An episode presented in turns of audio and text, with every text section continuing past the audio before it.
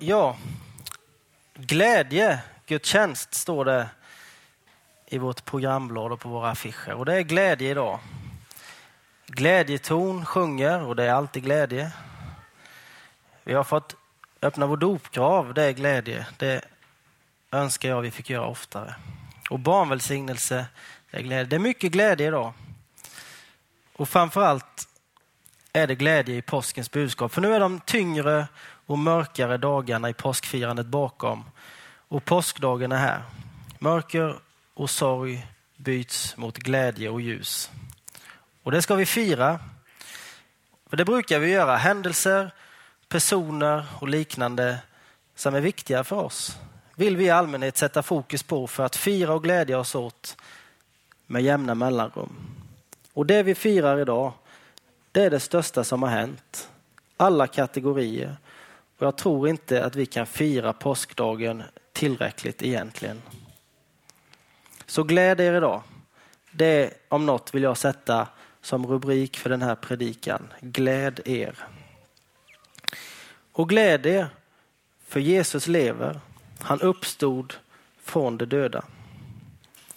Dödsriket, döden, plågan kunde inte avskräcka Jesus från att av fri vilja låta sig bli tillfångatagen, hånad, piskad och utlämnad för att avrättas på ett kors. Men det kunde heller inte behålla honom i sitt grepp. Utan Jesus uppstod och besegrade dödens makt. Det är stort, störst faktiskt och samtidigt ofattbart. Paulus uttrycker det till och med som att det kan uppfattas som en dårskap. Och kanske fullt rimligt så. För uppståndelsen är orimlig egentligen, omöjlig utifrån vårt mänskliga perspektiv. Men som min predikan handlade om för två veckor sedan, ni som var här kommer ihåg att den handlade om att ingenting är omöjligt för Gud. Och så fortsätter också Paulus i det här när han skriver om att korset kan uppfattas som en dårskap. Så skriver han vidare att för dem som räddas, alltså böjer sig under korset eller vad man ska säga, går in under korsets går in under korset helt enkelt. För dem är korset en Guds kraft. Skriver han. Vilken glädje i det. Dagens evangelietext som Evert började gudstjänsten med att läsa från Markus 16. Den slutar med att kvinnorna lämnar den tomma graven darrande och rädda. Och det var de inte ensamma om. De andra lärjungarna och de andra efterföljarna till Jesus, de satt också rädda. De hade ännu inte mött den uppståndne.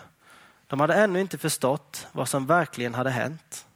Utan de var kvar i sorg, bedrövelse, ovisshet och också då rädsla. Efter att den de hade följt, den de hade satt sin tillit till under tre års tid och varit fullständigt överlåtna till, hade de fått se blivit avrättade framför deras ögon. Men det går inte så många timmar faktiskt efter det vi hörde om när de kvinnorna kommer till graven, innan de första där får möta Jesus som uppstånden. Och sen blir det fler och fler allt eftersom som Jesus visar sig för. Och då inser de att det Jesus hade försökt att säga till dem flera gånger, att han behövde dö och uppstå, att det stämde. De hade inte riktigt kunnat greppa det när han fanns mitt ibland dem. Men nu när de fick möta den uppståndne så gjorde de det. Och glädjen kommer. För han var inte längre död, han hade uppstått. Deras rädsla bryts mot lovprisning och glädje. För Jesus har uppstått. Och det märks väldigt tydligt på dem. Istället för den här rädslan vi läste om, de vågade inte prata med någon när de lämnade graven för de var rädda. Och lärjungarna, om man nu kan säga så, originallärjungarna, de som Jesus kallade till sig först, de möter vi inlåsta i ett hus av rädsla. Men sen, fyllda av helig ande, går de ut och predikar Jesu uppståndelse och de predikar om himmelriket. Och de fortsätter trots allt motstånd de möter. Faktiskt fick väldigt många av dem betala med sitt eget liv för att de gjorde det. Men det avskräckte dem inte. Något hade hänt. De hade mött en uppståndne och korset blev en Guds kraft och glädje för dem. Så gläd er, Jesus uppstod, han lever och han lever än idag. Och som följd av det kan vi få uppstå och leva med honom. För Jesu försoningsverk på korset, det innebär att var och en som vill kan få sina synder förlåtna och därigenom relation till Gud här och nu och i evigheten. Det vi kallar att bli frälst eller räddad. Det finns många uttryck för det. Men vilket erbjudande, vilket glädjebud. Och detta går bara att få genom just Jesu försoningsverk, det Jesus gjorde på korset. Det går inte att fixa detta själva på egen hand, på sitt eget sätt. Utan vi är helt beroende av Jesu död och uppståndelse. Tron på bekännelsen till påskens budskap, att Jesus, Guds son, offrade sig själv på korset för våra synder, för att försona synden och syndaren med Gud själv, med Guds kärlek. Evert predikade om det på långfredagen. Egentligen är det inte möjligt att förena synden och Gud. Vi kan inte uppnå det själva. Bara Gud kan göra det. Och det enda sättet var att offra sin son. Detta gör frälsningen, tycker jag, både lätt och svår samtidigt. För vi kan inget göra själva, utan bara överlåta oss till korset. Av nåd, gratis, oförtjänt. Vilket också gör det lite svårt. För visst vill vi gärna göra rätt för oss, förtjäna det vi får, stå på egna ben och inte vara beroende av någon annan. Men det enda sättet att komma över det finaste och bästa som finns, det är att böja sig för korset av nåd och inse att det här är jag inte förtjänt av, men jag får ta emot det ändå. För Gud älskar mig.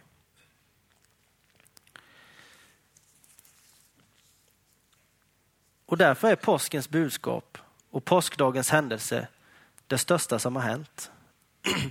Och här vill jag koppla till dopet som vi hade för inte så länge sedan, eller dopet överhuvudtaget.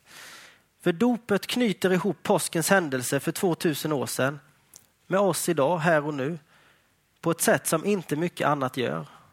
Antagligen bara nattvarden skulle jag säga. För det här med att tro på och bekänna sig till att Jesus är Herre och att Gud har uppväckt honom från de döda, som vi läser i Romarbrevet 10 och som vi ofta använder som en definition av vad det handlar om. Att bli frälst eller räddad, omvänd, bli kristen, vad vi nu vill använda för uttryck. I det så ligger dopet som en väldigt viktig del. För tro och dop hör ihop. Oavsett vilken ordning de kommer. Om dopet är först eller om tron är först. Tro och dop hänger ihop. Och så här säger Paulus om dopet i Romarbrevet 6. Jag läste en vers under dopceremonin, men jag ska läsa ett par till. Romarbrevet 6, 4, 5 och 8.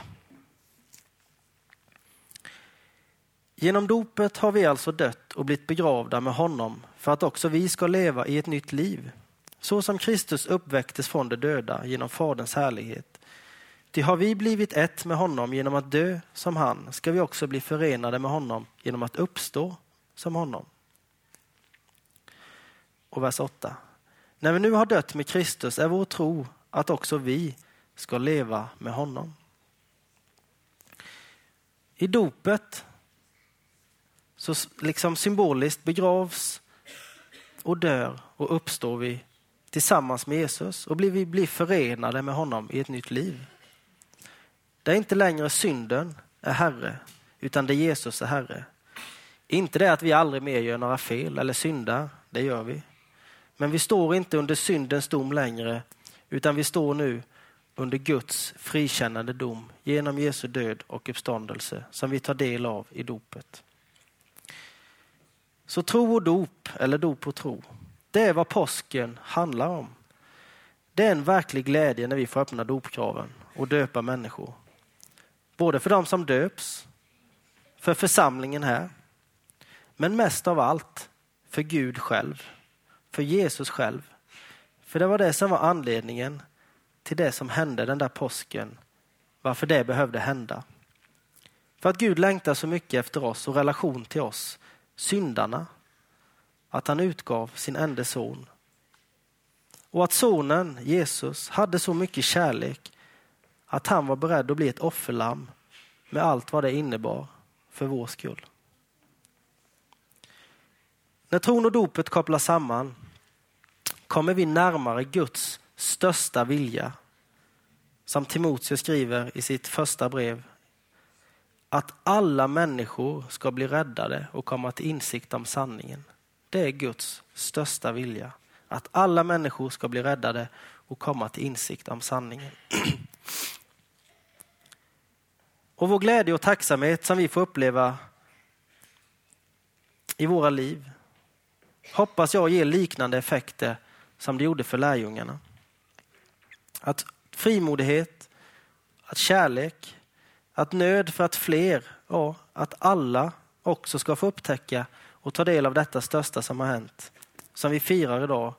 Att det genom ord och handling ska få genomsyra och prägla våra liv. Och inte heller här så behöver vi kämpa i egen kraft. För talet om korset är ju en Guds kraft för oss som tror. En Guds kraft genom den helige ande, hjälparen, som både vill utrusta, leda och hjälpa oss. Jag tror egentligen lärjungarna ville springa ut direkt och berätta för folk om att Jesus hade uppstått och få predika om det. Och att möjligheten till frälsning fanns. Jag tror de ville springa ut direkt när de hade mött Jesus uppstånden och göra det. Men Jesus sa så här till dem. Stanna här i staden till ni har blivit utrustade med kraft från höjden. Och med det menade han att han skulle vänta till de hade fått den helige ande. Och den helige ande kom till dem på pingstdagen. Och från den dagen så kommer anden över alla som tar emot frälsningen genom Jesus Kristus. Vilken glädje, tänker jag, att med andens hjälp få sprida Guds kärlek med ord och handling till människor idag. Och vilken glädje det är att få göra Gud glad genom att göra det. Så gläd er. Jesus uppstod och försonade världen med Gud. Och det får vi ta del av och leva i idag och förmedla vidare till andra. Och allra sist här i predikan så vill jag knyta ihop med Paulus ord från Efesierbrevet 1. Som jag tycker är bland det bästa man kan läsa i Bibeln. En väldigt bra sammanfattning av vad påskens budskap handlar om. Och jag är helt övertygad om att Paulus bön och önskan gäller oss lika mycket idag som det gällde människorna i församlingen i Efesos när han skrev detta. Så jag läser från Efesierbrevet 1 med start på vers 17.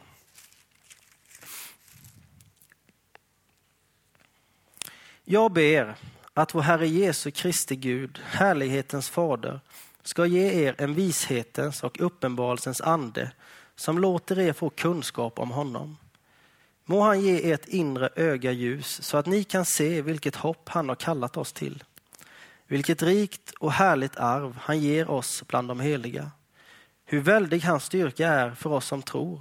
Samma oerhörda kraft som han med sin makt lät verka i Kristus när han uppväckte honom från de döda och satte honom på sin högra sida i himlen. Var var jag nu? Himlen. Högt över honom, högt över honom på sin högra sida. Högt över alla härskare och makter och krafter och herravälden, över alla namn som finns att nämna, såväl i denna tiden som i den kommande. Allt lade han under hans fötter och honom som är huvud över allting gjorde han till huvud för kyrkan, som är hans kropp, fullheten av honom som helt uppfyller allt.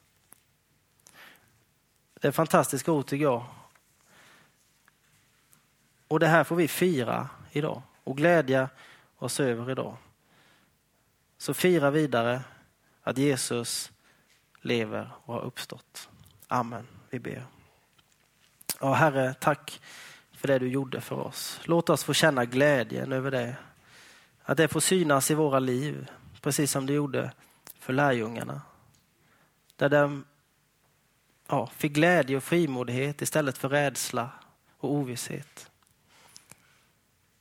Låt det här påskens budskap få sjunka in i oss så att vår, vårt inre öga får ljus så vi förstår lite mer idag av vad du verkligen gjorde och vilken kraft det verkligen finns i detta. Och tack att det gäller oss alla som vill. I Jesu namn. Amen.